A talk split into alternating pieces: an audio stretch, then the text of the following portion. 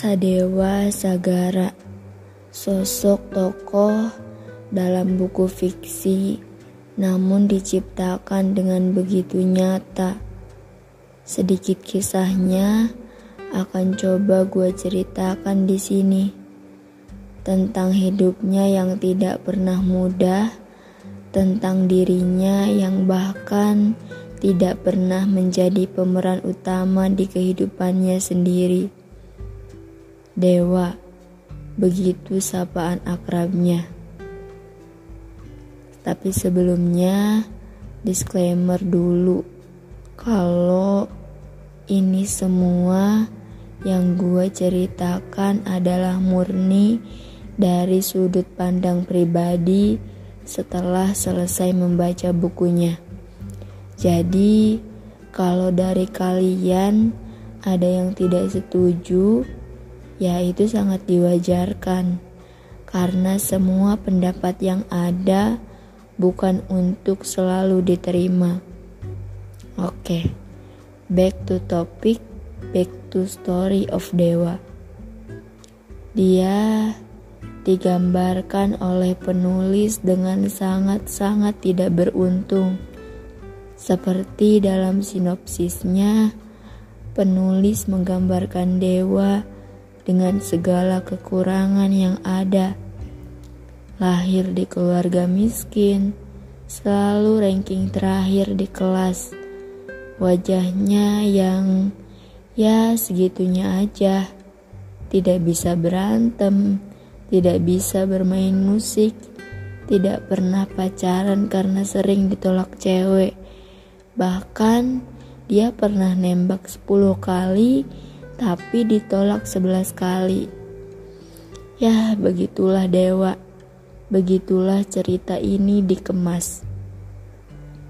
Berbeda dengan cerita-cerita sebelumnya yang pernah gua baca, sekilas novel ini seperti akan menceritakan kisah komedi saja.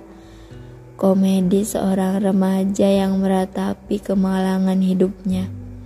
Tapi ternyata setelah baca, gue mendapatkan lebih dari itu.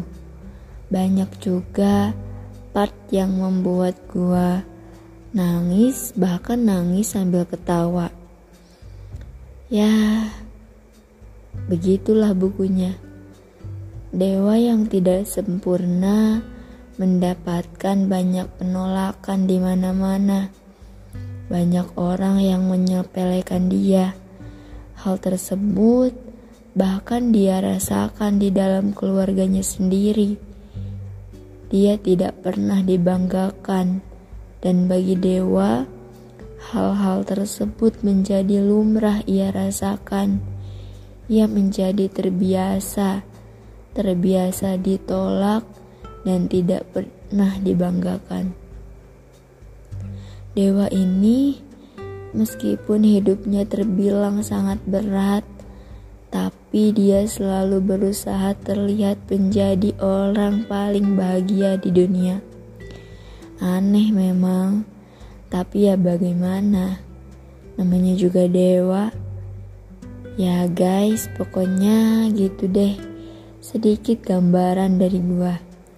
Mungkin selebihnya, kalau kalian penasaran, bisa kalian baca sendiri di buku Parable dari Brian Krishna. Ingat ya, baca bukunya yang original. Mari saling menghargai karya orang lain. Oh iya, sebelum berakhir, gua mau mengutip perkataan dari tokoh Dimas pada Dewa. Katanya begini taraf bahagia tiap individu itu berbeda-beda, wa. Beberapa karena hal-hal yang sederhana dan itu tidak apa-apa. Kamu harus selalu ingat bahwa dalam perjalanan hidupmu yang sepanjang ini, bahagiamu itu tidak harus seperti bahagianya mereka. Jadi, Jangan jadikan hidup orang lain sebagai patokan kebahagiaan hidupmu sendiri. Wak,